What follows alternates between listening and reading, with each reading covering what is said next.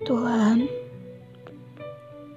akhirnya setelah sekian lama,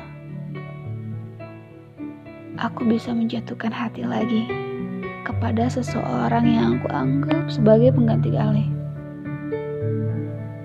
Entah kenapa, hatiku sudah sangat larut. Semakin hari, semakin aku mencintainya. Namun, sekali lagi, kita tidak akan pernah bersatu.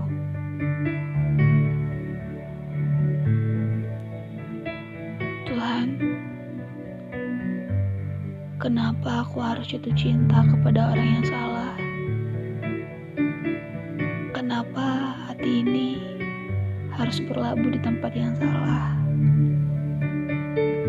Dan kini sakit hati dengan Ale terulang kembali.